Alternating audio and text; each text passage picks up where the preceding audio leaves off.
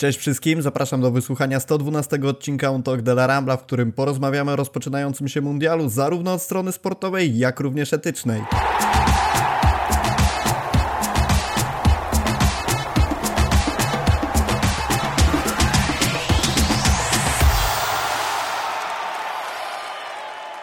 2 grudnia 2010 roku ogłoszono organizatorów Mistrzostw Świata, były nimi Rosja oraz Katar. Tuż po wyborze FIFA ogłosiła, że został zatrudniony specjalista, który sporządził dokument mający 430 stron, na łamach którego udowodniono, że nie doszło do korupcji, natomiast cała sprawa była owiana, jak wiemy, dosyć nieciekawą aurą. Nie przeszkodziło to niedawno podać innej gazecie gazecie pochodzącej z Anglii, Sunday Times, że 880 milionów dolarów łapówek za przyznanie prawa do organizacji mundialu dostała FIFA, a dodatkowo Al Jazeera miała dopłacić 100 milionów dolarów za to, jeżeli mundial zostanie przyznany Katarczykom. Tym ładnym wstępem rozpocznijmy sobie rozmowę z dzisiejszym gościem, czyli Maćkiem Miko. Siemanko i od razu zadam Ci pytanie, czy da się czuć atmosferę mundialu w momencie, kiedy w kraju, w którym się odbywa, łamane są tak dogłębnie prawa człowieka? E, cześć, dzień dobry wszystkim. E, oczywiście e, odbiór tego mundialu mm, jest tak naprawdę w całym świecie taki sam.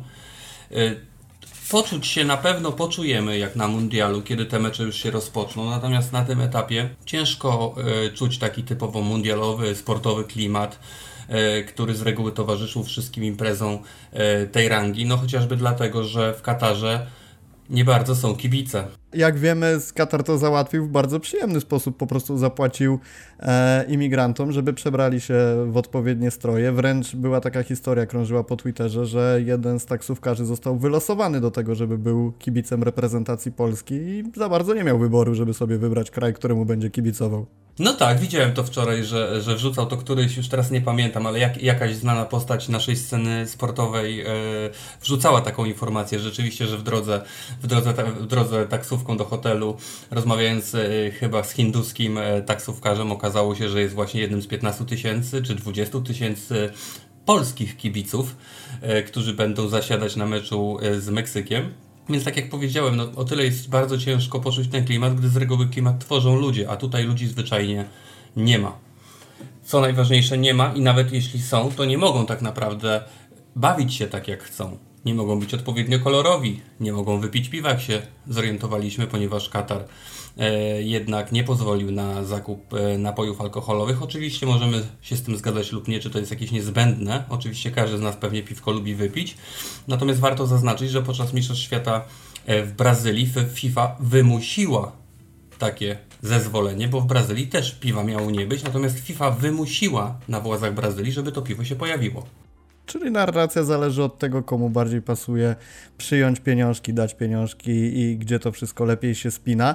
Nie uważasz, że mimo wszystko musimy trochę też porozmawiać o tym, że my w pewien sposób ganimy organizację tego mundialu przez Katarczyków, dlatego, że właśnie nie czujemy atmosfery, a nie do końca dlatego, że e, łamane są prawa człowieka i to wszystko jest właśnie w takiej negatywnej atmosferze, no bo przecież Mundial w Brazylii też nie był w pełni etycznie organizowany, jednak przez klimat, jaki tam panował, wydaje mi się, że nieco zeszło to na drugi plan.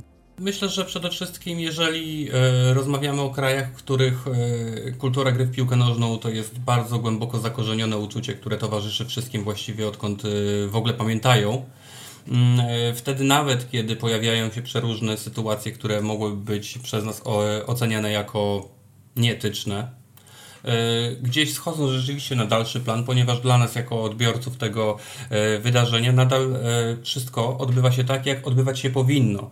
No tego nie będzie w Katarze, mm, już na pewno o tym wiemy. Dlatego być może każdy z nas spogląda na to troszeczkę przez własny pryzmat, niekoniecznie martwiąc się tym, tak naprawdę, co działo się, czy to z pracownikami, co dzieje się z ludźmi na miejscu na co dzień. Chociaż warto wspomnieć, że akurat jeżeli chodzi o Katar, to Katar ma E, jak się nie mylę, około niecałe 3 miliony populacji, z czego 90% tej populacji to są e, pracownicy ściągnięci z zagranicy, głównie z Bliskiego i Dalekiego Wschodu. Mm, no dobra, a w takim razie jak możemy ocenić postawę e, piłkarzy, bo to jest ciekawy temat, który przewijał się wielokrotnie. To raczej były plotki oczywiście i takie nawet nie doniesienia medialne, tylko e, życzeniowe postawy części kibiców, że mundial powinien być przez piłkarzy zbojkotowany, to znaczy powinni nie grać, powinni nie promować tego wydarzenia, jak do tego podchodzić.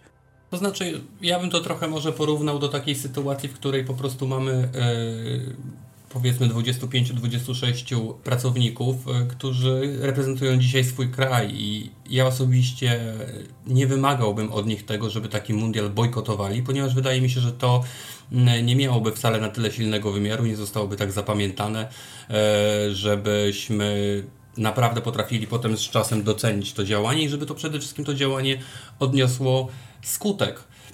Dużo fajniej oglądałoby się takie działania w wykonaniu drużyn. E, natomiast, no jak wiemy, to też się nie wydarzy. Jeżeli chodzi o sam bojkot, bojkot e, wydaje mi się byłby nie na miejscu, bo jednak no, to jest mundial, to jest najważniejsza impreza w życiu sportowca, e, w życiu piłkarza i naprawdę wymagać tego od takich ludzi w tym momencie, no jest takie bardzo, bardzo samolubne wydaje mi się, bo my byśmy troszeczkę mieli do pogadania na, na Twitterze, czy w internecie, czy, czy, na, czy w podcastach, natomiast no ci ludzie jednak po to cały, całe te 4 lata pracowali, całą karierę po to kopią tą piłkę, no żeby ten jednak mundial zaliczyć, więc, więc nie, nie wydaje mi się, że żeby piłkarze musieli go bojkotować. Mogliby natomiast oczywiście w jakiejś formie przekazywać, co jest złe, co trzeba zmienić. Nazwijmy to edukować troszeczkę ten, ten mocno e, archaiczny świat. Poza tym ja mam też wrażenie, że nie do końca taki bojkot przyniósłby pożądane skutki, bo dla Katarczyków byłaby to po prostu jednak gdzieś tam nieudana impreza, ale te negatywne zachowania w tamtym rejonie świata są tak głęboko zakorzenione w kulturze, że wydaje mi się, że po prostu to jest jest wymagany zbyt długotrwały proces, żeby zmienić to wszystko i kibice być może niepotrzebnie by oczekiwali, że jednym takim, jednym działaniem, jakim byłby bojkot mundialu, wszystko by się odwróciło o 180 stopni, nagle Katar stałby się cudownym miejscem do życia dla wszystkich ludzi. Trochę, znaczy oczywiście bojkot w pewien sposób jest potrzebny, potrzebne jest to, co robią dziennikarze, to, co robią poniekąd niektóre drużyny, no bo przecież fani Bayernu e, na jednym z meczów przedstawili taki baner dosyć, dosyć dużych rozmiarów, że 15 tysięcy ofiar dla 5760 minut futbolu, wstydźcie się. E, fajnie na ten temat wypowiedział się Tim Sparw, były reprezentant y, Finlandii też w piłce nożnej. On odniósł się do tego, o co cię pytałem, dlatego byłem ciekawy, co powiesz, że wszystkim się wydaje, że to jest tak na pstryknięcie, że można powiedzieć, nie jedziemy na mundial i wszystko jest ok, robimy to oczywiście w pięknym geście, natomiast to nie do końca tak jest, że to jest bardzo cholernie trudna decyzja, żeby zrezygnować z Mistrzostw Świata, które odbywają się co 4 lata, kiedy musisz wbić z idealną formą w trakcie sezonu klubowego, żeby w ogóle tam pojechać. Jest masa czynników, która determinuje wyjazd i tak naprawdę no, nie możemy wymagać tego od piłkarzy, natomiast napisał tam takie bardzo ładne zdanie, które mi mega wryło wryło się w pamięć, że gdyby minutą ciszy uczcić każdą śmierć poniesioną w trakcie budowy stadionu przez imigrantów, to 44 mecze odbyły się, odbyłyby się w zupełnej ciszy, więc to jest takie coś, co bardzo działa na, na wyobraźnię. Mamy postawę takich piłkarzy, takich, takich osób, kibiców. E, mamy też postawy osób z innego świata, czyli celebrytów, piosenkarzy, piosenkarek. Dua Lipa i Shakira odmówiły e, występu na tym, na tym wydarzeniu ze względu na łamanie e, praw człowieka. Z drugiej strony mamy Davida Beckhama, który przytulił 100 milionów euro za promowanie Mistrzostw Świata, mówiąc, że w tym kraju żyje się świetnie i chętnie zabrałby tam swoje dzieci. Jak możemy to oceniać? To znaczy, wiesz, no nie oszukujmy się, Katar to jest ekskluzywne miejsce. Katar to jest miejsce, do którego y, wielu z nas nigdy nie pojedzie, albo przynajmniej jechanie tam y, nie jest aż tak bardzo sensowne, jak w przypadku milionerów, którzy po prostu mogą się tam bawić tak, jak chcą. Y, oczywiście, no, nadal trzymając się litery prawa. Natomiast ja bym może się nie skupiał tak bardzo na tych indywidualnościach, bo wiadomo, że wtedy każdy dba troszeczkę o własne interesy, każdy ma swoją grupę wpływów. E, i, e, i inne spojrzenie na to w zależności od tego, co najbardziej pasuje to jemu i ewentualnie jego rodzinie. Natomiast na przykład warto zaznaczyć takie, e, takie próby pokazania się z dobrej strony na tym mundialu, jeżeli chodzi o chociażby prawa człowieka, co próbowała zrobić reprezentacja Danii, która początkowo chciała umieścić krótki napis wspominający właśnie o prawach człowieka, o prawach pracy na koszulkach treningowych, na co nie zgodziła się FIFA. W odpowiedzi e, na ten sprzeciw dyrektor e, techniczny reprezentacji Danii przygotował specjalne koszulki na turniej. Już można było je oglądać. To są koszulki, które praktycznie maksymalnie zaciemniają wszystko, co się da. E, I logo FIFA, i jakiekolwiek loga sponsorów, i logo reprezentacji Danii. To jest praktycznie tak z daleka jak patrzę, czy zwykła czerwona koszulka, po prostu bez żadnego dodatku.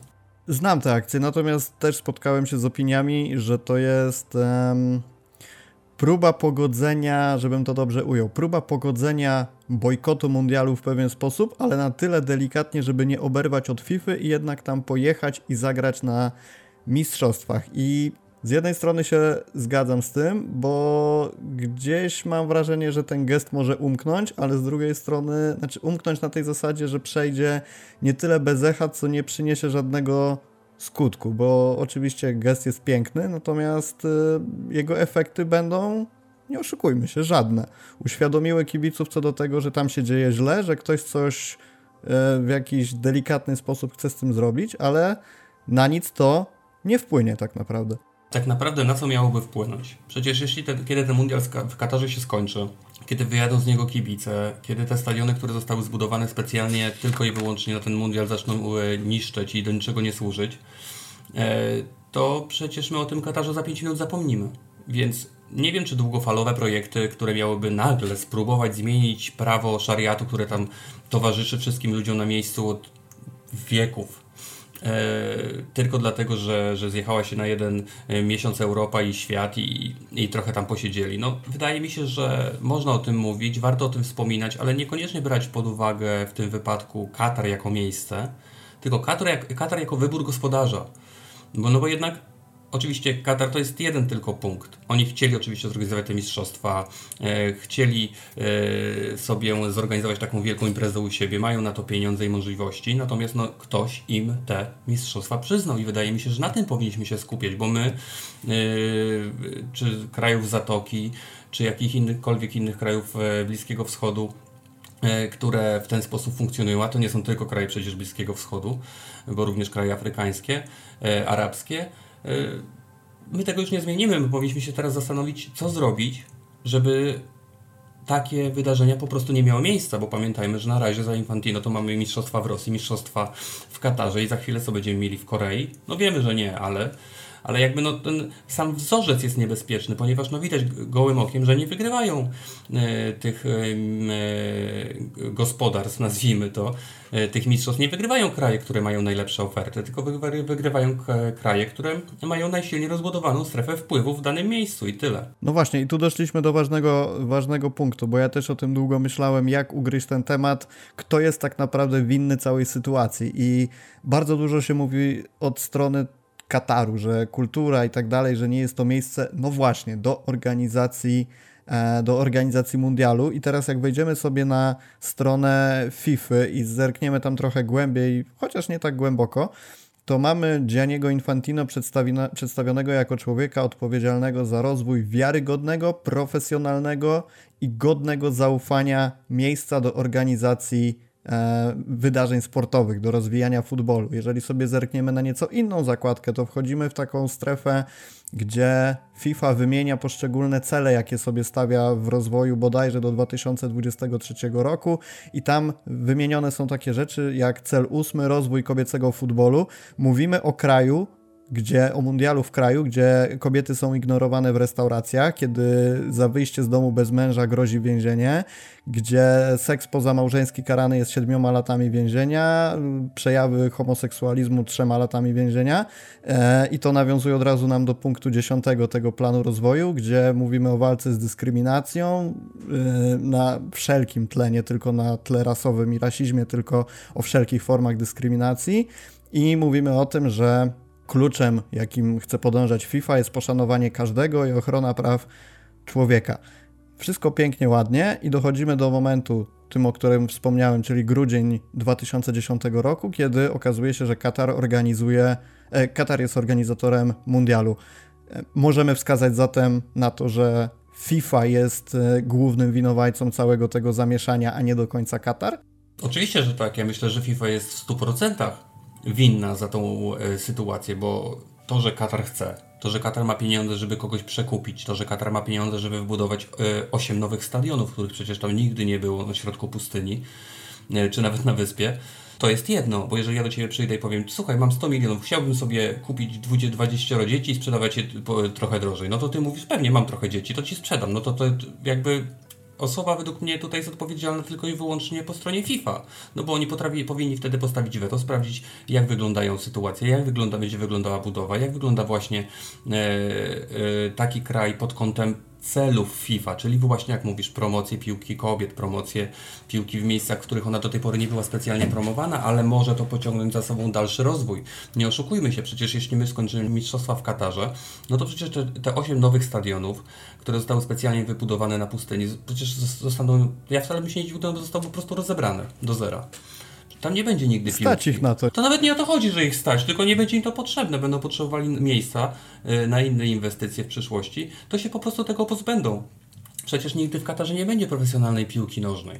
No, Xavi może mógłby się z tym nie zgodzić po swojej katarskiej przygodzie, no, ale, ale, wiemy w jaką stronę zmierza Tylko ten tego projekt. wszystkiego nie było przecież jak był Xavi. To dopiero teraz nie, jest no, wybudowane. To, to, czyli ta infrastruktura, która była wcześniej, wystarczała im na tyle, żeby potrafić ściągnąć znane nazwiska do siebie, żeby jednak potrafić pograć w azjatyckiej lidze mistrzów, żeby jednak ten region tą piłką trochę zainteresować. Czyli oni już to mieli, nie potrzebowali tych mistrzostw. Mistrzostw to potrzebowali szejkowie, żeby się trochę pobawić yy, i pokazać, jak są mocni. Zresztą, ja teraz nie chcę Was oszukiwać, ale przecież, jeśli ja się nie mylę, to jedną z kandydatur na 2030 to jest Arabia Saudyjska. Chyba wspólnie z Grecją i nie wiem czy nie Egipt w ogóle i Arabia Saudyjska. Jakaś taka trójka, przy, przy, śmieszna trójka basenu, e, basenu Morza Śródziemnego. I powiem Wam, no to jest dopiero zabawne, jeżeli to się powtórzy coś takiego, no bo już wiemy, że za 4 lata mistrzostwa będą na, w Ameryce Północnej, prawie całej praktycznie i częściowo środkowej, bo też w Meksyku. No to jeżeli my za 8 lat znowu będziemy się widzieć na Bliskim Wschodzie, no to ja nie wiem już gdzie to, gdzie to idzie, w jakim kierunku. Ja słyszałem o tym, że 2030 rok ma być pod znakiem mundialu w Portugalii Hiszpanii. To byłoby coś fantastycznego, jeżeli chodzi o atmosferę ale wiesz, po prostu mamy takie zupełną różnicę między tym, co jest teraz, że to jest Katar i totalnie nie ma atmosfery, a w 2030 mielibyśmy mundial w krajach, gdzie ludzie żyją piłką tak naprawdę na co dzień, gdzie jest to w ogóle priorytet dla wielu, dla wielu kibiców i tak dalej, i tak dalej. Także ja bardzo optuję za tą wersją i byłoby to coś, coś po prostu wspaniałego. No wiesz, nie jest to mundial dla kibiców, no bo tych kibiców fizycznie po prostu tym Katarze być nie może. Nie wiem, czy widziałeś może, yy, bo też ostatnio było sporo pokazywanie, jak stworzono takie ciężko to nazwać. Namioty na Namioty, pustyni. prawda? Ciężko to nazwać tak. jakimś pokojem. To takie namioty, tak. po prostu dwa łóżka. No to ja jestem teraz w hotelu, to ci powiem, że mój pokój hotelowy w, gdzieś tam w Polsce wygląda po prostu niebo lepiej. Mm, nawet jakby tamte pokoiki miały ściany, to nadal wyglądałby o niebo lepiej. No to ciężko to się wszystko y, godzi z tym, że jeżeli jedziesz do Kataru, płacisz bardzo dużo pieniędzy za bilet lotniczy a potem nagle się okazuje, że musisz spać w takim pipidówku, bo najtańsze inne miejsce w hotelu to kosztowało na przykład 10 tysięcy złotych. No czyli to nie jest mundial dla kibiców, ani trochę. Przecież wiemy, że nikt na, te, na tych stadionach nie będzie siedział. Wiadomo, że będą siedzieć na nich oficjele, kupieni taksówkarze, no i ci pojedynczy rzeczywiście ludzie, którzy musieli włożyć sporo wysiłku, pewnie sporo kasy poodkładać, żeby móc tam polecieć. No czyli nie ma, mamy tak, nie jest to mundial dla, dla kibiców. No nie bardzo jest to mundial dla sportowców, którzy już widać, że na tej pustyni po prostu ociekają po tym, jak wczoraj widziałem trening Anglików, oni mają takie jakby wielkie, gigantyczne nawiewy, które jeszcze wodą do tego nawiewają. I oni po prostu po treningach schodzą tam i stoją przy tym, mają zamknięte oczy, wyglądają jakby mieli zaraz zejść po prostu. I tak wygląda co druga reprezentacja, która nie jest przyzwyczajona do takich wysokich temperatur. No więc nie jest to dla piłkarzy, nie jest to dla kibiców. No więc dla kogo jest ten, ten mundial, skoro nie, nie dla tych dwóch najważniejszych grup? No, dla y, milionerów, no, miliarderów nawet. Dokładnie. E, jeszcze tylko dodam, że te namioty, o których wspomniałeś, to koszt noclegu w tym miejscu to jest 1200 zł za noc. Mówimy, przypomnijmy o dwóch łóżkach, najprostszych łóżkach, szafce nocnej i oczywiście jakaś łazienka czy cokolwiek. Nie, tam łazienki nie ma, tam musi być jakaś totalnie, totalnie, Tak, tak, no mówię, że totalnie to nie jest w ogóle wliczone w cenę, więc trzeba sobie szukać czegoś na zewnątrz. Rozumiem, że nie ma śniadań też. No raczej nie, raczej Raczej to nie te warunki. No i taka przechowialnia, no sklepu tam nie znajdziesz, piwa się nie napijesz, wychodzisz z tego tak, w ogóle, swojego namiotu. w ogóle Katarczy, Katarczycy powiedzieli, że nie przewidzieli za wiele chodników, bo stwierdzili, że kibice będą spędzać czas wolny w hotelach i w centrach handlowych, więc jeżeli chodzi o jakieś strefy kibica, które my No. znamy chociażby z euro w Polsce, to raczej zupełnie nie ten klimat. No i siedzisz w tej szklarni w 50 stopniach na pustyni cały dzień, potem idziesz na mecz, wracasz do szklarni, szybko na lotnisko i do domu. Dwie dychy wydane, mecz obejrzałeś. Dobra, przejdźmy sobie może do tej bardziej pozytywnej strony, jeżeli uda nam się ją odnaleźć, bo moglibyśmy sobie tak omawiać te e, kwestie związane z organizacją Kataru w nieskończoność. Teraz w ogóle trwa konferencja prasowa Gianniego Infantino Trochę i widziałem. gada takie głupoty, że aż nie da się w to uwierzyć. Chyba taką najbardziej puszczaną dalej na Twitterze informacją jest to, że on wie, co to jest dyskryminacja, bo kiedyś był rudy. Rudy był, tak. To, to, jest- akurat to mi się tra- jeszcze zdążyłem to, tego posłuchać. No gość strasznie jest odklejony generalnie. Widać, że zrobili, znaczy zrobili błąd. Oni zrobili dla siebie dobrze. Tylko bardzo ciężko jest potem coś takiego obronić. Zwłaszcza, że to bronienie musi trwać i trwać i trwać i trwać w nieskończoność. A ja myślę, że on bardzo dobrze wie, ile pieniędzy dostał za to wszystko i No. za gadanie takich rzeczy i po prostu od pewnej kwoty zabiera się już człowiekowi wstyd w jego przypadku. Maciek, przejdźmy sobie do kolejnej istotnej rzeczy, która też jest bardzo często poruszana. Lata na Twitterze mnóstwo pytań o to, komu kibicujesz, kto wygra mundial i tak dalej, i tak dalej. I często ludzie odpowiadają w tym stylu, Chciałbym, żeby wygrała Argentyna, chciałbym, żeby wygrała Brazylia, ale, ale, ale potem gryzą się w język, oczywiście, jeżeli nie Polska. I to rodzi takie pytanie, czy my jako Polacy możemy kibicować innym reprezentacjom, czy widzisz, że coś jest nie tak w takiej postawie? No, to, to trochę się sprowadza do takiej rozmowy, którą też prowadziliśmy w, na Twitterze jakiś czas temu odnośnie drużyn klubowych. Oczywiście, że można. Na tym polega nasza wolność. Nie na tym, że możemy sami e, pójść do sklepu i kupić co chcemy, tylko na tym, żebyśmy mogli kibicować e, komu chcemy. No, piłka nożna dla nas no, jest właściwie w większości traktowana jako hobby. E, Nikt e, z szabelką nie rusza, nikt e, tego kraju potem bronić nie będzie, jak, jak się pojawi najeźdźca. Nie mówimy to o jakimś patriotyzmie lokalnym czy, czy, czy na skalę krajową. Mówimy tylko i wyłącznie o indywidualnych sympatiach w związku z konkretnym sportem i tym, czy jakieś, jakaś drużyna nam się podoba, czy nie i, i jaka jest związana z tym historia. Ja na przykład kibicuję Holandii i Argentynie mniej więcej od 27-8 lat, bo to się wzięło już około w Argentynie to od 94 roku kibicuję. Holandii trochę później od 96. Więc jakby niezależnie od tego zawsze wspieram reprezentację Polski, oglądam każdy ten mecz e, e, i cieszę się, że kiedy wygrywają, smutek, kiedy przegrywają. No co nie znaczy, e, że nie mogę podoceniać trochę innych reprezentacji, no zwłaszcza takich, które dużo są mi bliższe na co dzień, jeżeli chodzi o styl, o piłkarzy, o to jak często w ogóle e, tych reprezentantów oglądam. No bo nie oszukujmy się Polaków, gdyby nie lewy, to bym prawie w ogóle nie oglądał e, jako reprezentacja. Myślę, że to jest kluczowe swoją drogą w tym wszystkim, że my na co dzień obserwujemy piłkę hiszpańską i siłą rzeczy jesteśmy bardziej związani z piłkarzami pochodzącymi z tamtych klubów. Mówimy o, o Barcelonie przecież non-stop od kilkudziesięciu lat już nawet, kilkunastu, kilkudziesięciu, w zależności od tego, kto ma jaki staż kibicowski. Nagle połowa tych reprezentantów jest przeniesiona praktycznie jeden do jeden z klubu do, do reprezentacji Hiszpanii, no i trudno jakoś moim zdaniem wyrwać się w tym momencie z jakichś tam okowów sympatii w tym momencie, bo, bo widzisz ludzi, którym kibicujesz od nastu lat na co dzień, obserwujesz, śledzisz dzień w dzień, e, gdzieś tam czytasz te informacje i, i patrzysz, co się z nimi dzieje. I potem wiesz, jest konfrontacja z reprezentacją Polski. Mówię, no, mówię gdzieś tam o Hiszpanii, no ale wiadomo, że, że ma to miejsce w przypadku różnych reprezentacji. I ja szczerze mówiąc z polską piłką jestem związany praktycznie wcale, bo ekstra klasy nie śledzę. Uważam, że trochę szkoda na to czasu. Pojedynczych piłkarzy w ligach zagranicznych też jakoś, szczerze mówiąc, mnie to nie pociąga i tak naprawdę oko mam tylko na Lewandowskiego z wiadomych powodów. Doceniam oczywiście formę Zielińskiego czy Szczęsnego, ale nie przekłada mi się to w ogóle na to, że teraz powinienem odczuwać jakąś wyjątkowo gorącą sympatię z reprezentacją na mundialu gdzieś. Znaczy rozumiem taką postawę i to jest na swój sposób fajne, że kibice potrafią docenić reprezentację Polski, być z nią na tych wielkich imprezach, ale z drugiej strony nie rozumiem takiego ganienia postawy, że Polska jest na mundialu i trzeba im kibicować, więc jak możesz kibicować Argentynie, Holandii czy, czy Hiszpanii? Jakby totalnie, totalnie nie idę w tym kierunku. Przede wszystkim też warto zwrócić uwagę, że obecnie wszystkie prawie reprezentacje, bo z tego co się orientuję, to na mundialu chyba tylko trzy reprezentacje będą miały całą kadrę zbudowaną z zawodników urodzonych w danym kraju. Pamiętajmy, że Polska też ma dwóch zawodników, którzy, którzy w Polsce nie, się nie urodzili, nie przebywają. Y, więc pamiętajmy też, że ta cała globalizacja futbolu prowadzi do tego, że wszystkie reprezentacje są nam coraz bliższe.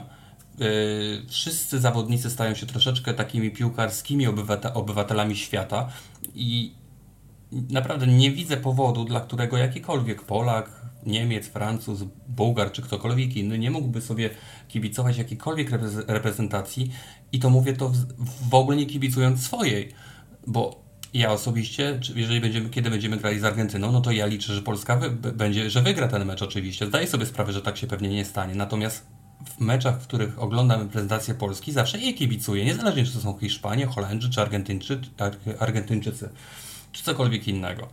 Natomiast, no, jeżeli ja miałbym kibicować tylko reprezentacji Polski i tylko polskim drużynom, a potem to już tak naprawdę ewentualnie oglądać jako y, po prostu obserwację i w ogóle nie mieć żadnych emocji z tym związanych, no to ja bym w ogóle piłki nie oglądał. Bo Polska i polska reprezentacja, no i polskie drużyny klubowe, no to niestety w Europie nie mają większego znaczenia. No, czyli mielibyśmy w ogóle nie kibicować żadnej drużynie, tylko się skupiać na przykład, nie wiem, na Lechu Poznań czy Legii Warszawie, oglądać tylko Ligę Polską i tylko na tym się skupiać i całą resztę zapominać, bo, bo nie mamy wobec tego żadnej emocji, bo nikomu nie kibicujemy? Nie widzę tego. Nie, no nie, nie, zupełnie, zupełnie to nie dla mnie. No dobra, ale nie wymieniłeś swoją drogą Hiszpanii, bo powiedziałeś Holandia, Argentyna, a jak się, jaki jest twój stosunek do Hiszpanii? To znaczy nie, no ja jestem wielkim hiszp hiszpańskim fanem, że tak powiem. E, natomiast no akurat jak mam być bardzo uczciwy, to akurat przywiązanie do Hiszpanii wziął, przyszło trochę później, e, więc u mnie zawsze była Holandia, Argentyna, potem Hiszpania, rzeczywiście jako, jako trzecia drużyna. Mm, natomiast no już wszystkim trzem kibicuję na tyle długo i na tyle niezmiennie, że, e, że mogę się mianować spokojnie ich kibicem, bez problemu. To porozmawiajmy sobie chwilę w takim razie o reprezentacjach. Dużo już w internecie pojawiło się o tym, kto został powołany, kto nie został powołany, ale myślę, że takie najważniejsze rzeczy warto sobie jeszcze raz przypomnieć i podkreślić, zwłaszcza patrząc przez pryzmat tej Hiszpanii, no bo wiemy, że tutaj zaszła dosyć duża zmiana. Duża, jeżeli chodzi o kibiców Barcelony, bo za Gaję został powołany Balde. Jak oceniasz zachowanie Luisa Enrique? Bo ja jestem szczerze mówiąc zachwycony, że chłop mając do powołania takie nazwiska jak Kukureja, Grimaldo, Marcos Alonso, decyduje się na zabranie na mundial tak naprawdę chłopaka, który jeszcze kilka miesięcy temu nie był rozważany pod kątem zastąpienia Jordiego Alby na lewej obronie Barcelony. W ogóle nie jestem zdziwiony. Ani troszeczkę. Jak mam być szczery, to ja to nawet mam taki e, element, który sobie przygotowałem i miałem na nim całą kadrę Hiszpanii i miałem wykreślone nazwiska, które mi nie pasowały i kogo bym za te nazwiska zabrał i miałem wykreślonego Luisa Gaję E, i wpisanego tam Baldę. To A to ciekawe, dlaczego wykreśliłbyś Gaję? No bo Gaję gra beznadziejnie. Czy ktoś ogląda w ogóle Gaję w ostatnim, chociażby w 2022 roku? Już nie mówiąc nawet sezonami, tylko w tym roku kalendarzowym. Ja się nie czepiam powołania Luisa. Ja zawsze patrzyłem na mecze Barcelony z Walencją pod kątem rywalizacji Alby z Gają a ostatnio, jeżeli dobrze pamiętam, nie chcę nic pomylić, czy grał Alba, czy Balde, czy Alba i Balde, nieważne. W każdym razie e, dysproporcja między nimi a Gają była na tyle duża, że szkoda gadać. Nie no, Gaja miał moment. Czasami jest tak w karierze piłkarza, a bardzo często wręcz bym powiedział, że tak jest, że kiedy miniesz ten moment na zrobienie kroku do przodu, to potem już każdy kolejny wydaje się jak krok do tyłu. I Gaja według mnie ten moment już minął.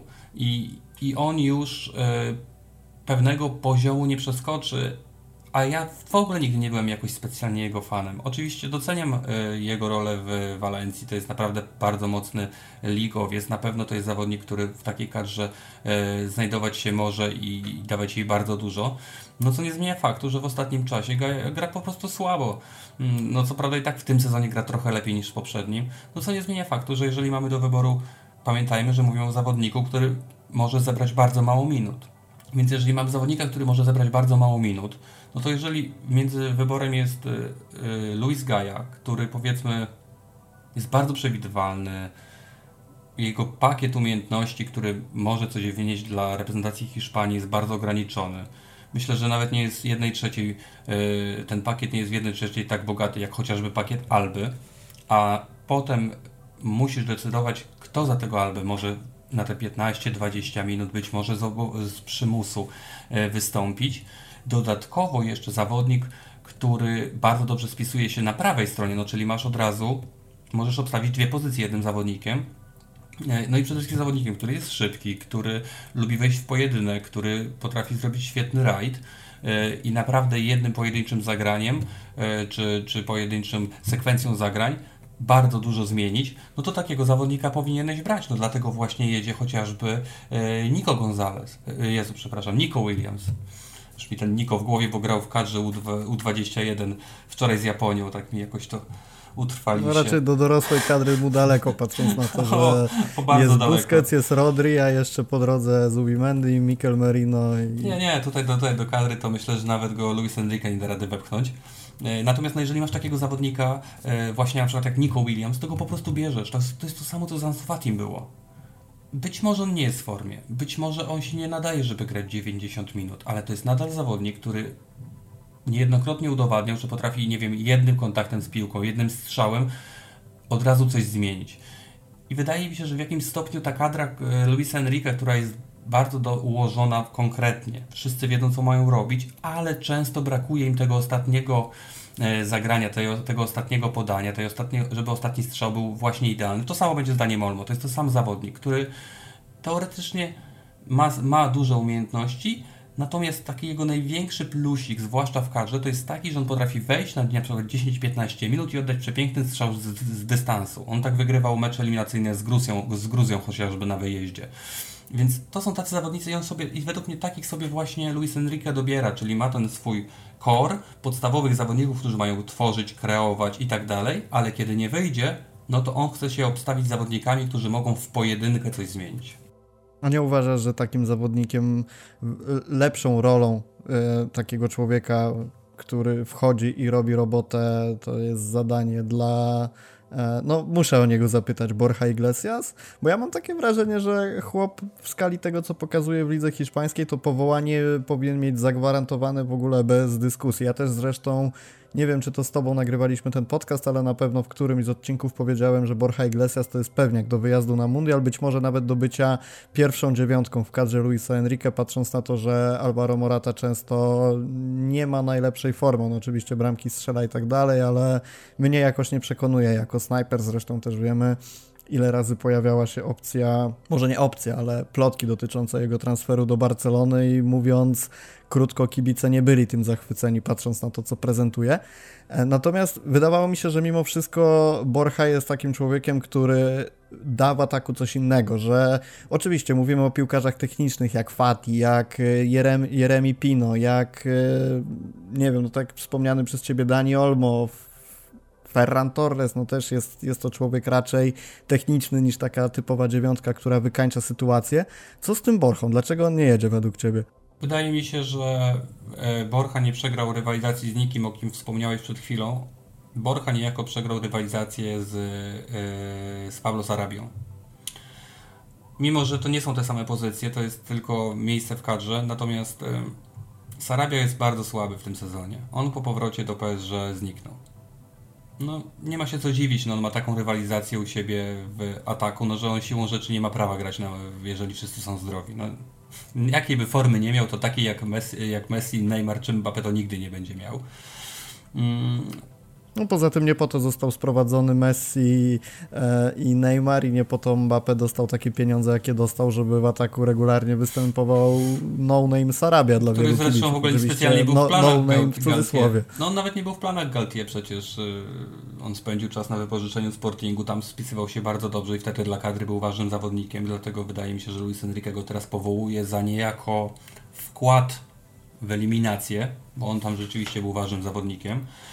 I dlatego jedzie, dlatego ja tego, tego wyboru Luisa Enrique nie będę krytykował, bo ja żadnego wyboru Luisa Enrique nie krytykuję, bo ja sobie zdaję sprawę, że on ma swoją wizję i jeżeli można powiedzieć tak o każdym trenerze, to Luis Enrique naprawdę ma własną wizję, naprawdę ma własny pomysł i się go trzyma i, i póki co wychodzi na tym całkiem nieźle, więc, więc, e, więc się go nie czepiamy. Natomiast no rzeczywiście ja bym wziął Borchę tylko dlatego, że to jest właśnie zawodnik, którego wpuścimy na 15 minut w końcówkę, który będzie biegał e, właśnie na pozycji dziewiątki, gdzie to może być spory kłopot w tej reprezentacji, jeżeli Morata nie dowiezie, a wiemy, że Morata tak sam może dowieść, jak zupełnie zgubić. Dlatego wydaje mi się, że że Luis Enrique będzie często grywał w ogóle bez dziewiątki. Już w meczu z to, Jordanią. To też się pojawiały takie tak, informacje. No w meczu z Jordanią pojawił się Marco Asensio na tej pozycji. E, regularnie grywa na niej Ferran Torres. E, zresztą wydaje mi się, że to jest w ogóle najlepsza opcja dla tej drużyny. Mm, z Ferranem na dziewiątce? Fałszywej tak, dziewiątce? Tak, tak, zdecydowanie. No bo to, czego my nie potrafimy docenić w Barcelonie, to wydaje mi się, że w reprezentacji Hiszpanii zawsze docenia to Luis Enrique, czyli to jego ruch bez piłki, ale nie ten ruch defensywny czy, czy, e, czy otwierający dla niego grę, tylko jego ruch bardzo często otwiera grę innym. Więc wydaje mi się, że jest taki niezbędny, żeby otworzyć skrzydła w takiej reprezentacji, która nie ma E, na tej skrzydle tak wiele szybkości i kreatywności. Oczywiście jest Nico Williams, natomiast no nie wiemy e, na ile on będzie podstawowym zawodnikiem. Jest Ansu Fati, no ale tu też wiemy, że w ostatnim czasie ani w, tu dynamiki sporo brakuje, a i dribbling nie idzie, a przede wszystkim zatracił skuteczność, co było jego najmocniejszą stroną do, tego, e, do tej pory. Dlatego kadra wydaje mi się naprawdę fajnie skonstruowana. Jeszcze wydaje mi się, że tu jest błąd popełniony, taki błąd, błąd, e, wzięcie Ugo Guillamona i to jeszcze w roli obrońcy. Nie do końca rozumiem ten ruch. E, wydaje mi się, że to jest po prostu jakaś inwestycja w kadrę, że on na razie ma tylko tam pojechać i zobaczyć, z czym to się je, bo on ani z placu nie zasługuje w Walencji na to, ani w kadrze nie był nigdy istotnym zawodnikiem, żeby pojechał za powiedzmy zasługi czy, czy cokolwiek innego. No tutaj niewzięcie Inigo Martineza wydaje mi się może być sporym kłopotem, jeśli się zaraz okaże, że Laporte, który też dopiero wraca po kontuzji, z jakiegoś powodu wypadnie i jeżeli trzeba będzie postawić ten środek obrony na Eriku Garcii e, i na Torresie, to wydaje mi się to szalenie ryzykowne ryzykowne i też Paul Torres wydaje mi się będzie mimo wszystko tym gorszym ogniwem w tym zestawieniu, bo patrząc na jego dotychczasową formę w Villarrealu, ja, jasne, on ma zalety, którymi może błysnąć i którymi wyjaśnia ataki rywali bardzo często, ale czasami to, jakie błędy popełnia, jaki brak koncentracji w tym sezonie przejawia, to aż mnie zastanawia właśnie, dlaczego, e, czy, czy Luis Enrique będzie stawiał na niego jako postać pierwszoplanową w obronie, ja podejrzewam, że tak. No oni są bardzo podobni z Erikiem Garcją, bo to są zawodnicy, którzy potrafią zagrać fantastyczny mecz, 90 y, minut po prostu bezbłędnych y, interwencji, pięknych długich podań, dobrego rozegrania, no bo Pau Torres też fantastycznie gra z piłką przy nodze. No natomiast niestety obaj mają ten dziwny gen frajerstwa, nazwijmy go, że w zupełnie nieoczekiwanym momencie, grając cały mecz świetnie, potrafią popełnić jakiś taki absurdalny błąd albo wynikający z braku koncentracji, bo to nie chodzi o brak umiejętności, tylko z braku koncentracji, ze złego ustawienia, być może trochę doświadczenia, chociaż u Pała Torresa o tym braku doświadczenia no się trochę ciężko mówić, no bo to już chłop dawno powinien z Hiszpanii wyjechać. Ewentualnie. 25 lat. No więc właśnie, no to już mówimy o tak naprawdę zawodniku, który jest w prime niemal swoim. No może chociaż dla obrońcy ten, ten, ten prime zaczyna się troszeczkę później. No dlatego ja bym na pewno zamiast Guillamona wziął y, Inigą y, Martineza, no żeby był ktoś ten doświadczony. Nawet jeśli miał, nie być tym doświadczony na boisku, to przynajmniej dawałby dobre rady, pomagał się ustawić, w treningach brał udział. No wydaje mi, tutaj wydaje mi się, że to jest taki to jest zbyt hura optymistycznie poszedł Luis Enrique, no ale zobaczymy. To prawda, zobaczymy. Z szefem się nie dyskutuje. Reprezentacja Argentyny. Reprezentacja Argentyny jest jedną z tych, które są typowane do roli faworyta na tym mundialu. Zresztą zupełnie słusznie, bo ta seria nieprzegranych meczów od 2019 y, roku i wygrane Copa America po drodze o czym świadczy. Co tu możemy powiedzieć o powołaniach? Moim zdaniem nie ma aż tak wielu rzeczy do przedyskutowania jak w przypadku Hiszpanii. Na pewno to, że nie jedzie Lo Celso jest taką bardzo złą no informacją. No tak, ale Lo Celso nie jedzie, z, z, z, wynika to z urazu. Tak, Więc dokładnie. W meczu z Atletikiem Bilbao zszedł, pamiętam. Z Atletikiem, przepraszam. Zszedł ostatnio. Także wielka szkoda, bo mam wrażenie, że trochę to odbiera taką magię w środku pola Argentyny i mimo wszystko bardziej przybieżona twarz e, Rodrigo de Pola, takiego surowego futbolu z dodatkiem techniki. Więcej tego będzie po prostu niż takiej technicznej gry. Powiem Ci, że może to zabrzmi, zabrzmi śmiesznie, ale wydaje mi się, że to może wyjść Argentynie na dobre. To ciekawe. Bo zakładajmy, że gdyby Los Celso był zdrowy, to grałby w trójce pomocników w trójce pomocników wygląda to niejako trochę tak, że jak wiemy, Messi nie jest zawodnikiem ofensywnym obecnie, tylko też jest pomocnikiem. No gra zdecydowanie w pozycji pomocnika i to często wcale nie ofensywnego. To samo teoretycznie robi Lo Celso. Jeżeli dokładamy do tego Angela Di Maria, no, który zakładam, że niezależnie od wszystkiego, on i tak na takim mundialu musi wyjść w pierwszym składzie, bo to jest po prostu człowiek, który w każdym momencie może zrobić coś fantastycznego. I Lautaro A mecz zarabiał, udowodnił to bardzo dobrze. No, ale finał Copa America niedawny, wygrany wreszcie. Przecież e, podobna sytuacja, w którym w turnieju w sumie specjalnie go nie było. Jak przyszło co do czego, to strzelił przepiękną bramkę, która dała, dała puchar. Zresztą strzał też, pamiętam, Francji przecież na poprzednim mundialu w tym trudnym meczu przegranym 4-3. Oj, ale to piękna bramka z dystansu była. I to on podniósł przecież Argentynę wtedy, pamiętajmy, prawda? W, zaraz po starcie drugiej połowy. Więc wydaje mi się, że oczywiście nigdy kontuzja nie jest czymś dobrym, ale fakt, że nie możemy skorzystać wtedy z takiego zawodnika, być może będzie niejako korzystne. Nie w grupie, bo grupa jest dla Argentyny, wydaje mi się, na tyle łatwa, że ona niezależnie od tego, kto w tym, w tym składzie będzie wychodził, oczywiście no jest jakiś główny trzon, ale gdzieś tam pozycja, pozycyjnie nie będzie się to zmieniało, nie będzie miało aż takiego wielkiego znaczenia, natomiast im dalej w las, no to pamiętajmy jak grają reprezentacje europejskie. Argentyna dlatego zdobyła to Copa America, dlatego nikt jej nie pokonuje od prawie 40 meczów, bo gra bardzo twardo defensywnie. To twarzą tej reprezentacji jest nie tylko Messi, ale właśnie tak jak wspomniałeś i Rodrigo de Paul, i Leandro Paredes. I z mojego punktu widzenia, z tego co ostatnio przynajmniej mi się udało zobaczyć, to ja bardzo chętnie zobaczyłbym w tej trójce Alexisa McAllistera. To jest y, zawodnik, który gra w Brighton, pomocnik, 23 lata, dopiero 7 występów w reprezentacji, natomiast podanie ma fantastyczne.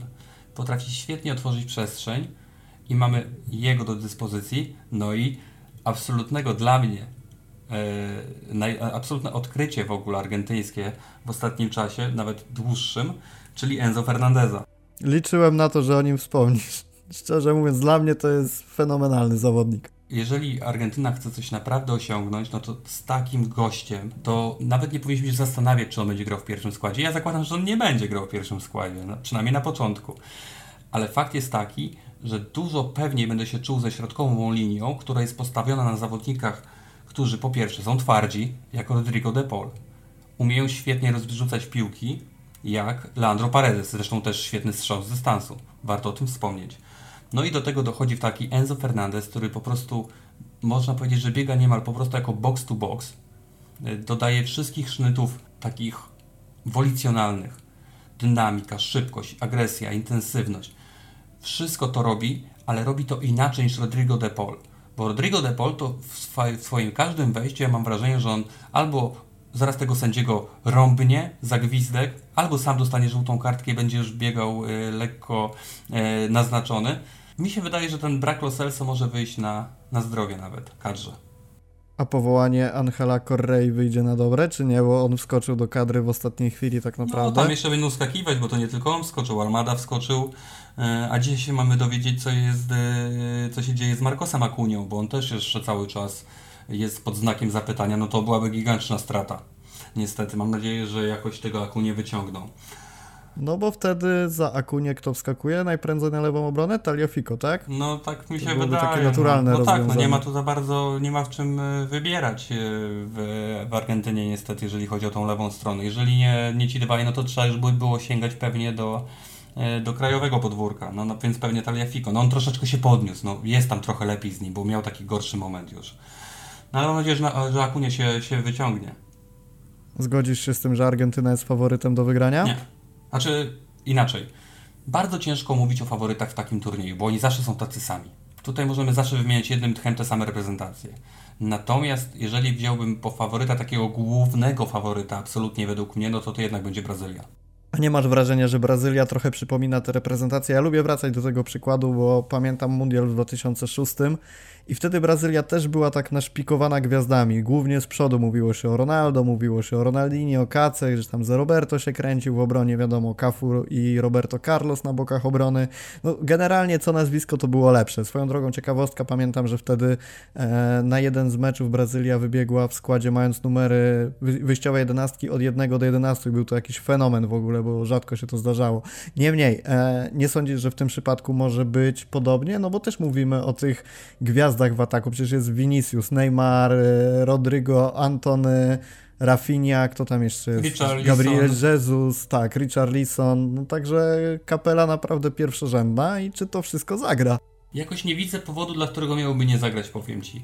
Oni mało tego. A oni... ego? Hmm. Jakoś tego nie widać. Ja staram się oglądać mecze kadry Brazylii i na przykład w tej kadrze na przykład Vinicius nie jest zbyt ważną postacią. Ogólnie, jeszcze.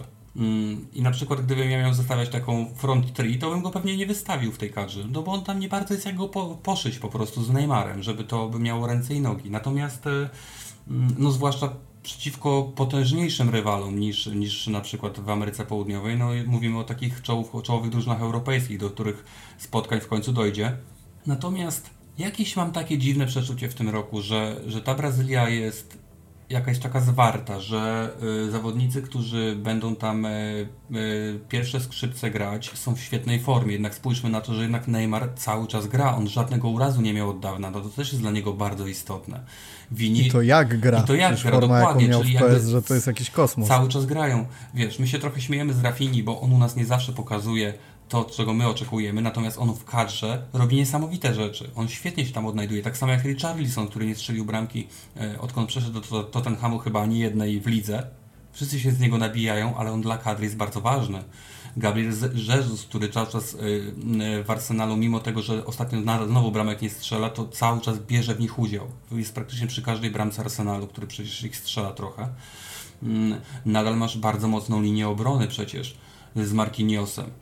No, naprawdę, powiem Ci szczerze, to są na, według mnie naprawdę mocni faworyci. Ja już prędzej ich widzę w roli faworytów niż na przykład taką yy, Francję chociażby, gdzie we Francji teoretycznie nie dlatego, że oni nie mają piłkarzy, tylko dlatego, że nie mają trenera. I kiedy Deschamps nie korzystał z Benzemy, tylko grał z Giroud, bardzo prosty futbol, yy, świetnie się Giroud rozumiał z Griezmannem, i jakoś to grało, prawda? Zdobyli Mistrzostwo Świata i, i byli bardzo mocni, zdobyli Ligę Narodów już y, po, do, po dołączeniu Benzemy. Natomiast kiedy Benzema wrócił, już mamy Mbappé, Benzemę i, y, i Griezmana, no to już te, tą trójkę jest ciężko pogodzić. I mimo tego, że ci piłkarze, że Benzema jest dużo lepszym piłkarzem niż Giroud, o tyle kadra gra z nim po prostu słabiej. Więc jakby nie zawsze y, wszystko się sprowadza do tego, y, kto ma jakie nazwisko, tylko jak się potrafi wkomponować w, swój zespół. I, I dlatego wydaje mi się, że y, zespół Brazylii może być o tyle fajny mm, i o tyle dla wszystkich bardzo niebezpieczny, bo oni po prostu wyglądają ze sobą na boisku bardzo fajnie, rozumieją się świetnie i mają wspólny cel i nie można odnieść wrażenia, że ktoś jest pokłócony, że ktoś się krzywi. Oni tam za siebie po prostu poszliby w ogień i to da się zauważyć. Zresztą jest to samo z Argentyną. Ja bardzo mocno liczę w tym roku na, na drużyny, drużyny Ameryki Południowej, żeby trochę pokazało, że, że tam też się gra porządnie w piłkę i, i te europejskie y, czołowe ekipy po prostu pokonały. Co do Benzemy, to w ogóle też zastanawiam się, w jakiej on będzie dyspozycji, bo w klubie nie grał rzekomo ze względu na to, że oszczędzał się na mundial, a teraz też są jakieś przebitki informacji, że z reprezentacją nie trenuje, bo nadal te problemy gdzieś występują, także zobaczymy, czy finalnie Giroud nie będzie tą podstawową dziewiątką, może nawet e, w pierwszych spotkaniach potem, że go zastąpi Benzema, ale no ciekawa, ciekawa kwestia. To może wyjść tylko na zdrowie reprezentacji Francji. Ja też na przykład nie wiem, e, jaki jest stosunek Mbappé do Benzemy na przykład. Bo Benzema jest mocniejszym nazwiskiem niż Mbappé. A mam wrażenie, że zawsze jak Mbappé ma koło, koło siebie kogoś, kto jest ważniejszy od niego, to jest niezadowolony. Właśnie to chciałem powiedzieć, że on musi mieć kamery skierowane na siebie zawsze na każdym meczu i taka postać w postaci Benzemy może odebrać trochę Francji ten, ten, tę zespołowość i ducha drużyny. Nadąsany zwyczajnie i potem bierzemy jakieś statystyki i się okazuje, że dwóch piłkarzy między sobą wymieniło jedną piłkę przez 90 minut, prawda? Tak, a potem są cieszynki, że przybili sobie piątkę i mówi się, że jednak konflikt zażegnany. No bo wiesz, bo ja wierzę w to, że głównym celem ich w ogóle jako drużyny jest po prostu wygrywanie meczów. To jest oczywiste, wiadomo, że oni się cieszą, czy ty strzelisz, czy ja strzelę, czy ktoś inny strzeli, to się cieszymy, no bo to o to chodziło przecież, żeby tu pojechać i wygrywać. No natomiast w trakcie tego spotkania, e, kiedy zawodnik X ma zawodnika Y, i zawodnik Y powiedzmy jest przez niego średnio lubiany, no to zamiast mu podać pewnie będzie oddawał strzał, prawda? Może podejmie złą decyzję, może e, gdzieś wykona jakąś stratę groźną. No, wiadomo, że to bardzo wiele różnych e, rzeczy e, na boisku może decydować o tym, jaki jest wynik. Są jeszcze jakieś reprezentacje, na które według Ciebie powinniśmy zwrócić uwagę? Może słowo o Holandii, bo na pewno też ją masz pod lupą. Tam jest Frankie, jest Memphis. Może oni ugrają jakiś fajny wynik. Ciężko będzie. Nawet z Lukiem de Jongiem w ataku? Nie będzie grał e, na pewno od początków e, meczów. E, czy... Hmm, znaczy tak, no grupę mają powiedzmy w miarę. No bo, no bo czy to Senegal, czy to Ekwador, no czy to Katar, no to powiedzmy są drużyny, z którymi Holandia powinna sobie poradzić. Natomiast czy oni mają materiał ludzki i, i drużynę na, na coś więcej, na, na chociażby, nie wiem, bo ja rozumiem coś więcej jako, dajmy na to, półfinał Mistrzostw Świata. No bo do ćwierćfinału no to 8 drużyn to powiedzmy zależy wiele od ułożenia, od ustawień yy, drabinek, od wyjścia z grupy i tak dalej. Więc chciałbym bardzo, żeby Holandii poszło dobrze i jeżeli będą w ósemce, to ja zaliczę im ten występ, ten wyjazd jako, jako udany. Ja jestem ciekawy, jak sprawdzi się Xavi Simons przy tym powołaniu, bo dużo się o nim mówiło, jak grał. Boję się, że nie będzie grał, szczerze mówiąc, bo znowu, on nie jest ważnym członkiem kadry Van Hala. E, no oczywiście no, nie miał się szans być tak naprawdę, no bo pojawił się dopiero przed chwilą, można powiedzieć. Mm, e, no chciałbym, żeby dostawał szansę, bo na pewno to, co pokazuje w lidze, mm, e, w lidze holenderskiej, oczywiście to nie jest przecież, wiemy, że to nie jest żadna liga, po której trzeba od razu wszystko brać za pewnik, natomiast no, gra dobrze, jest w formie i wydaje mi jest młody, jest e, dobry technicznie, ma dobry przegląd pola, umie strzelić bramkę, zaczyna grać na F9, więc jakby wydaje mi się, że, że to jest zawodnik, który na pewno, to są zawodnicy właśnie, takich zawodników na mundialu chciałbym oglądać, czyli młodych zawodników w dobrej formie, którzy mają szansę się pokazać na arenie międzynarodowej i traktują z reguły takie, y, takie mecze bardzo poważnie i bardzo ambicjonalnie. I to, I to wydaje mi się, że byłoby fajne, gdyby, y, gdyby trochę byśmy go pooglądali. A w takim razie, według Ciebie, jeżeli mówimy o młodych, ambitnych zawodnikach, których, no właśnie, chcielibyśmy oglądać, czy nie chcielibyśmy oglądać? Ronald Araujo. Nie. Co z nim? Nie, oby nie. Nie, nie chcielibyśmy znaczy, go oglądać? Powiem Ci tak. Um, może zarysujmy kontekst, zarysujmy kontekst, bo może słuchacze nie będą wiedzieć o co chodzi.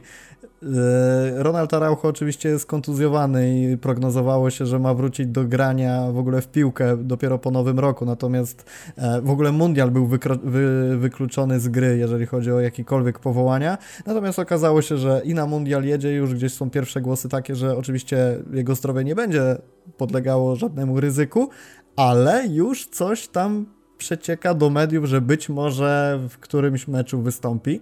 Także my jako kibice Barcelony będziemy oczywiście patrzeć na to czujnie, bo żeby nie okazało się, że nasz 23-letni stoper wypadnie z powodu jakiegoś nawrotu kontuzji, oby nie.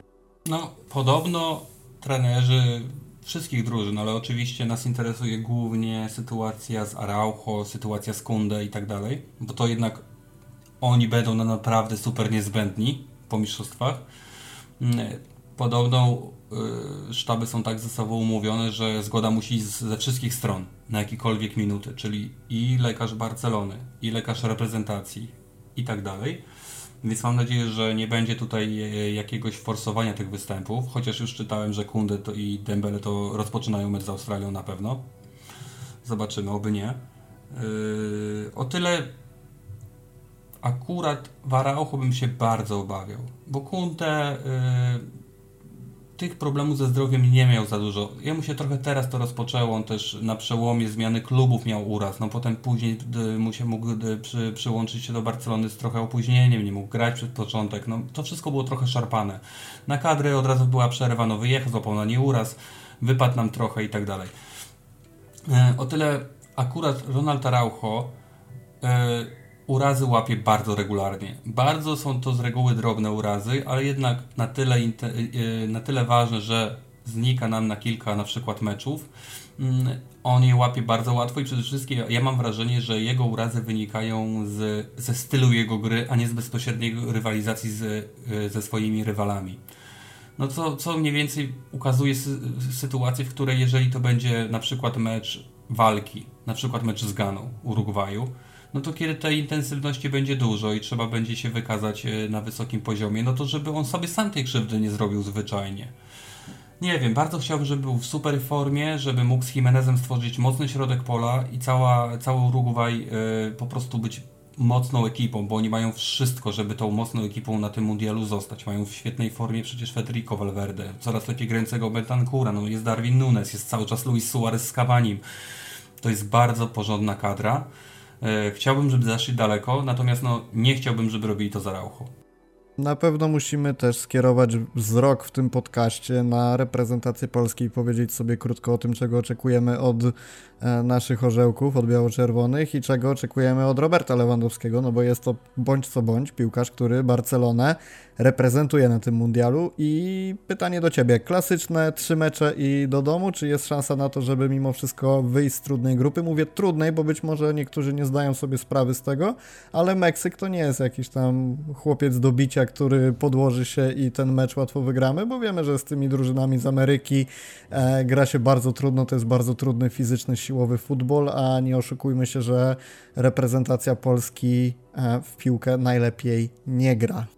To znaczy, powiem Ci tak, o Argentynie możemy w ogóle nie mówić, bo jeżeli tu wydarzy się jakiś, e, jakiś korzystny wynik, mówię, no to będzie po prostu sensacja na skalę światową i, yy, i to w, nie będziemy mogli na bazie tego oceniać występu w ogóle reprezentacji na mundialu według mnie, bo to będzie naprawdę coś niesamowitego wtedy, co się raczej nigdy nie wydarzy, yy, nie powtórzy.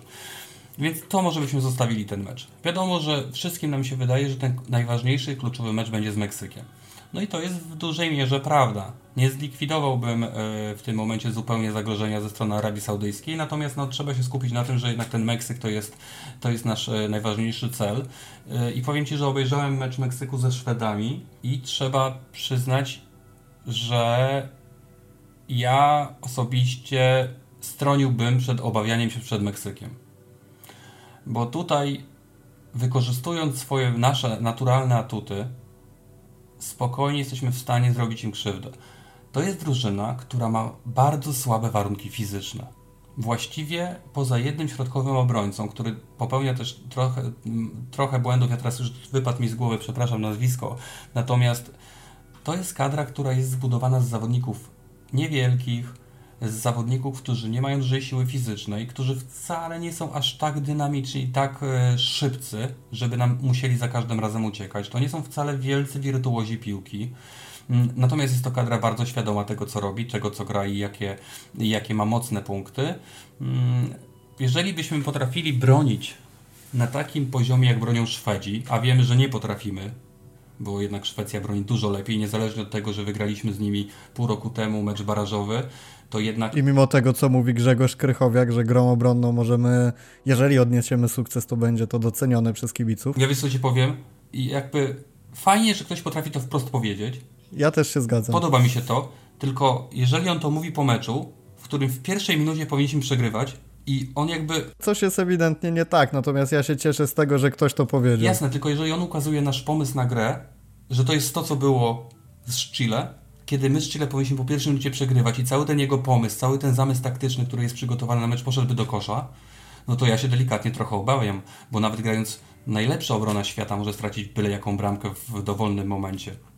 Więc jakby takie założenie mi się nie podoba, bo jeżeli my mamy teraz bronić się cały mecz z Meksykiem i czekać na jakąś pojedynczą okazję, no to to mi się nie podoba. Co innego robić atak z defensywy, bo to robią często najlepsze drużyny świata i robią to bardzo dobrze. Przecież Real Madrid gra bardzo podobnie często. Więc jakby atak z defensywy jest w porządku. Nie ma z tym nic, nic złego, ale taka szczelna defensywa, która z drugiej strony nie wiąże się z żadną konstrukcją i organizacją ataku, tylko tak naprawdę czekaniem na stały fragment, czy na jakiś pojedynczy przechwyt, czy przypadek, czy błąd rywala, no to to jest skazane na porażkę według mnie od razu. No nie wolno tak grać. Nikt tak nie, kto tak w ogóle mógłby pomyśleć, żeby grać? Ja rozumiem, że my nie będziemy nigdy grać pięknej piłki. Okej, okay, to kupuję od niego, ale nie kupuję tego, że jedynym pomysłem na mecz ma być szczelna obrona i jakaś pojedyncza okazja, bo nasza obrona nie jest szczelna.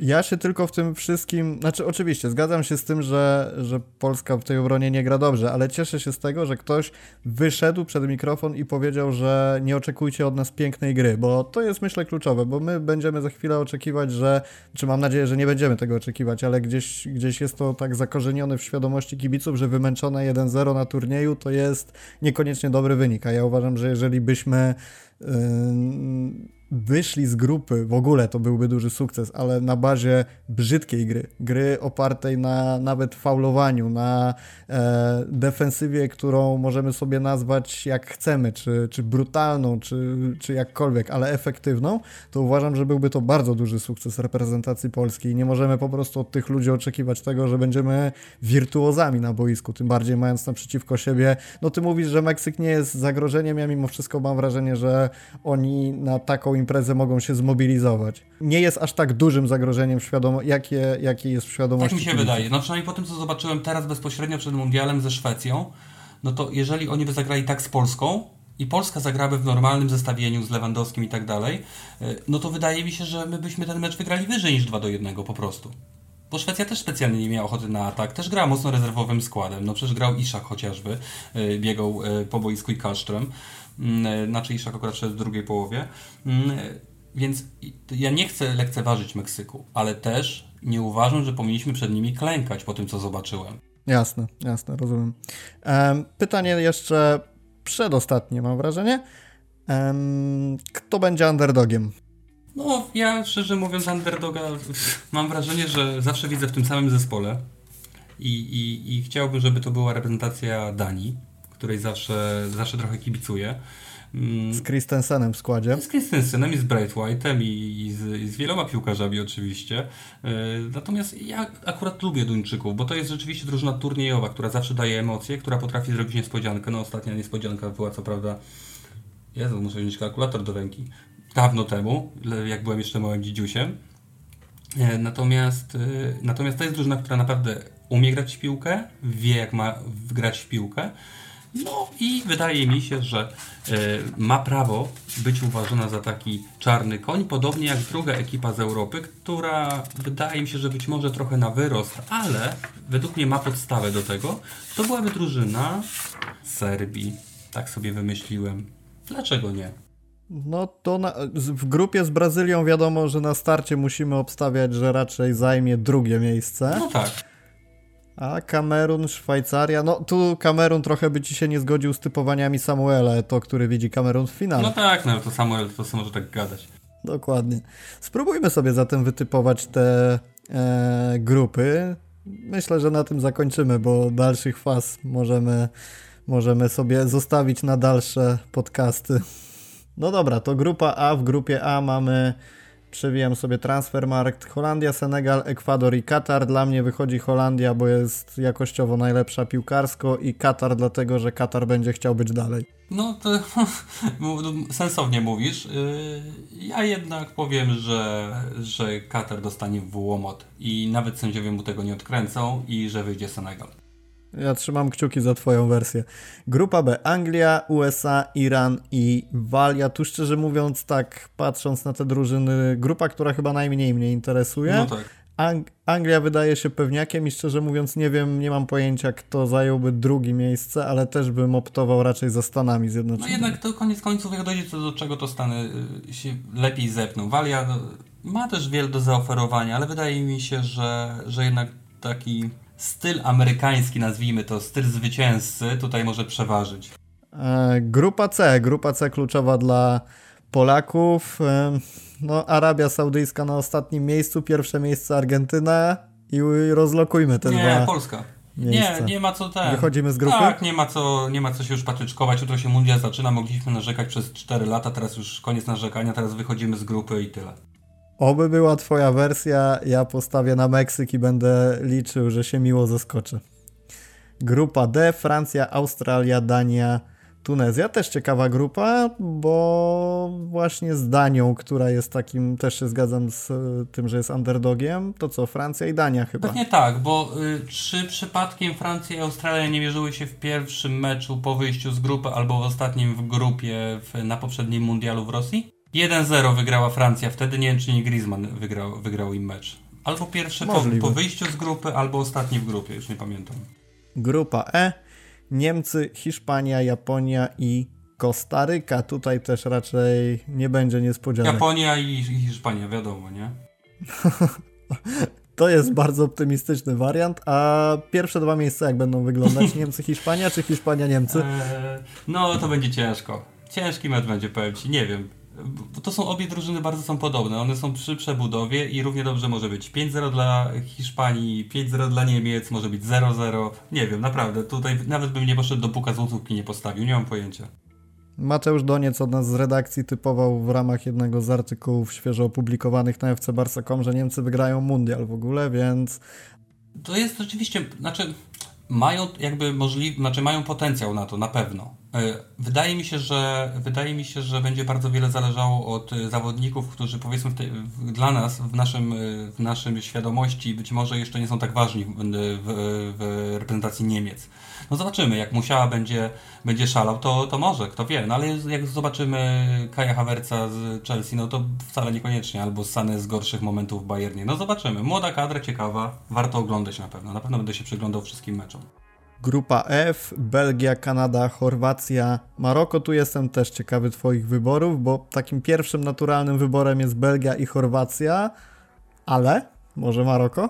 Nie, Wydaje mi się, że Belgia i Chorwacja są zbyt y, turniejowo pragmatyczne po prostu. To są jednak już uznane, doświadczone firmy, które, których liderzy zjedli wszystkie zęby na tych mundialach i na tych euro i na innych turniejach. Wydaje mi się, że nie pozwolą sobie na to, bo to Portugalia była chyba w zeszłym roku, 4 y, lata temu blisko, żeby Maroko nie zrobiło kuku. Bo to jest właśnie taka kadra, która mogłaby się pod takim Marokiem położyć. Wydaje mi się, że Belgia i Chorwacja sobie na to nie pozwolą. Spotkałem się na Twitterze z taką opinią, że Maroko może być underdogiem, oczywiście na skalę tych pierwszych meczów i nawet wyjść z grupy, dlatego podpytuję, ale ja też się zgadzam z Jakoś tym, że... tak nie do końca to czuję, szczerze mówiąc, jak myślę Chorwacja będzie zbyt brutalna taktycznie, tak. mam wrażenie, i nie no, Brozowicz chyba wrócił jeszcze. Nie, nie, hmm. nie, nie, no to... Nie, nie przebiją się w ogóle przez środek według mnie. W ogóle nie dadzą się rady przebić przez środek.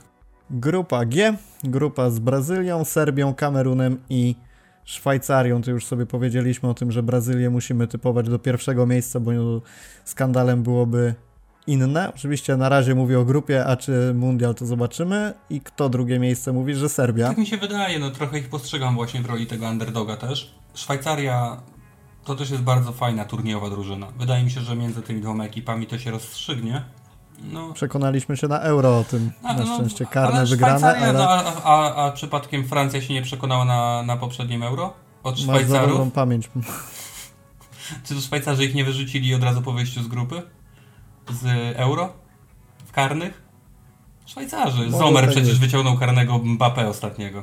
Rzeczywiście, rzeczywiście było. Zupełnie mi to uciekło, ale za, zakotwiczyłem się ze Szwajcarią na euro, no jak tak, no, Polacy to wiadomo. karne.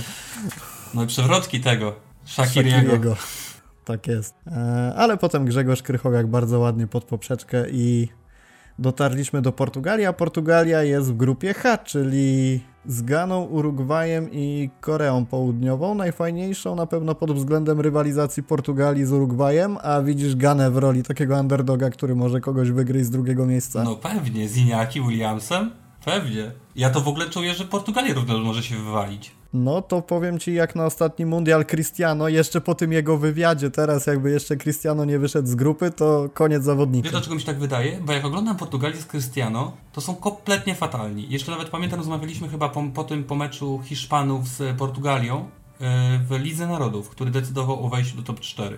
I wtedy właśnie Ci mówiłem, że właściwie jak Hiszpania wyszła już takim swoim podstawowym środkiem pomocy przynajmniej, e, to to Portugalia zniknęła. I powiem Ci, że oglądałem ten mecz z Nigerią i grali fantastycznie. Co robił Joao Felix? Jaki to jest gość?